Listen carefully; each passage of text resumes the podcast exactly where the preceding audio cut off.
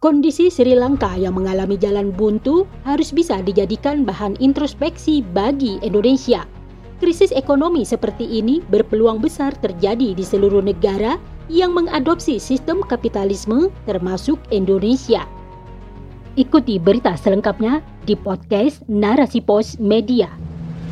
Assalamualaikum warahmatullahi wabarakatuh. Masih setia bersama saya di sini Bibi Mutmainah akan menemani ruang dengar Anda dalam rubrik World News.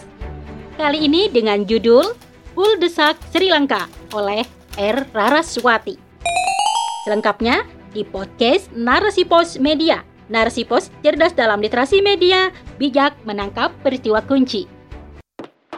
Aksi besar ribuan demonstran menyerbu kediaman resmi Presiden dan sekretariatnya di ibu kota komersial Kolombo pada Sabtu 9 Juli 2022 waktu setempat dan menjadi sorotan dunia.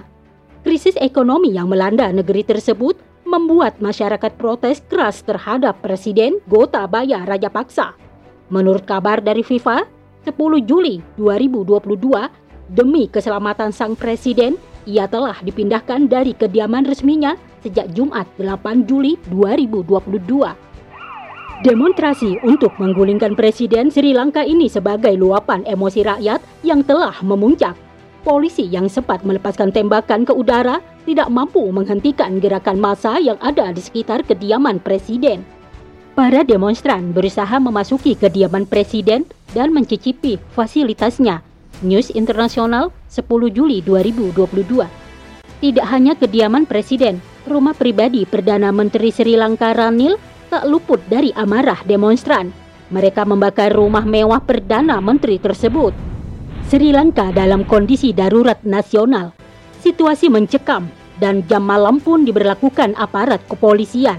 Selain gelombang demonstrasi yang merebak, juga muncul fenomena panik buying di tengah masyarakatnya. Jalan buntu atau kuldesak itulah gambaran Sri Lanka saat ini. Sejak kemerdekaan Sri Lanka tahun 1948 silam, negara ini dilanda krisis ekonomi terparah di bawah kepemimpinan Raja Paksa. Harga-harga bahan pokok melonjak tinggi, mulai BBM, bahan makanan, obat-obatan, dan lain-lain. Pemerintah Sri Lanka gagal menyelamatkan ekonomi nasional. Rezim dalam satu dekade terakhir terus menambah pinjaman negara kepada lembaga asing ketergantungan pada utang luar negeri memperburuk ekonomi nasional dan gagal memulihkan perekonomiannya. Bahkan, pasca pandemi COVID-19, krisis ekonomi negara ini mencapai kulminasi, di mana defisit neraca membesar dan kredit mendekati level default.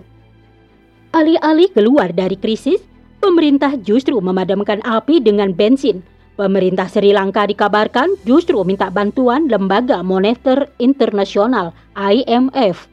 Sudah menjadi rahasia umum, bantuan IMF bukanlah pemberian cuma-cuma.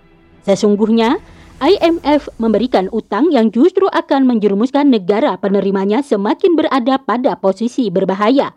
Pasalnya, utang tersebut bisa menjadi jalan untuk menjajah suatu negara. Lewat utang tersebut, Barat akan memaksa negara penerima bantuan untuk tunduk kepada kepentingannya. Selain itu, utang riba justru berbahaya karena bisa mengundang bencana yang membuat rakyatnya menderita. Hal ini sebagaimana telah Allah kabarkan dalam Al-Quran dalam surah Al-Baqarah ayat 179 bahwa pelaku riba berarti menantang perang Allah dan Rasulnya. Itu artinya tidak akan ada yang terselamatkan apalagi menang melawan Sang Allah, pemilik alam semesta beserta isinya. Kondisi Sri Lanka yang mengalami jalan buntu harus bisa dijadikan bahan introspeksi bagi Indonesia. Krisis ekonomi seperti ini berpeluang besar terjadi di seluruh negara yang mengadopsi sistem kapitalisme termasuk Indonesia. Masalah ekonomi di Indonesia saat ini bisa dilihat dari utang pemerintah yang terus bertambah dan harga kebutuhan bahan pokok yang semakin mahal. Selain itu, biaya pendidikan dan kesehatan terus merangkak naik. Hal ini membuat tidak semua orang mampu mendapatkan pendidikan dan kesehatan yang berkualitas. Belum lagi kenaikan TDL, harga BBM yang terus naik bahkan langka. Mahalnya tarif jalan tol makin memperparah kondisi ekonomi rakyat.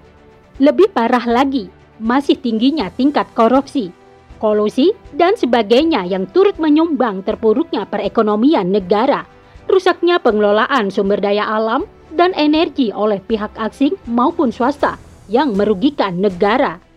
Semua yang terjadi di atas merupakan akibat penerapan sistem ekonomi kapitalisme yang menonjolkan kepemilikan individu. Kepemilikan negara pun dapat diubah menjadi milik individu dengan jalan privatisasi. Hal inilah penyebab munculnya peraturan tentang SDA dan energi yang mengarah pada privatisasi. Akibatnya, terjadi penguasaan SDA dan energi oleh swasta bahkan pihak asing. Privatisasi yang membuat kepemilikan negara dan umum berubah menjadi individu jelas tidak sesuai dengan syariat Islam. Hal itu membuat perputaran kekayaan hanya di antara orang-orang kaya, sedangkan Islam melarang perputaran kekayaan semacam itu.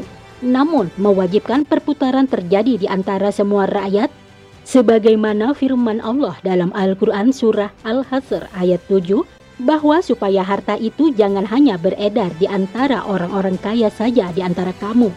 Islam memiliki mekanisme ekonomi, yaitu melalui aktivitas ekonomi yang bersifat produktif, berupa berbagai kegiatan pengembangan harta dalam akad-akad muamalah dan sebab-sebab kepemilikan.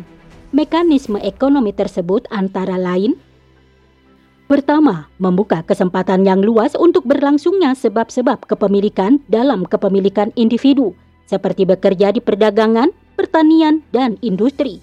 Kedua, memberi kesempatan bagi berlangsungnya pengembangan harta melalui kegiatan investasi seperti syirkah inan, mudarabah, dan sebagainya.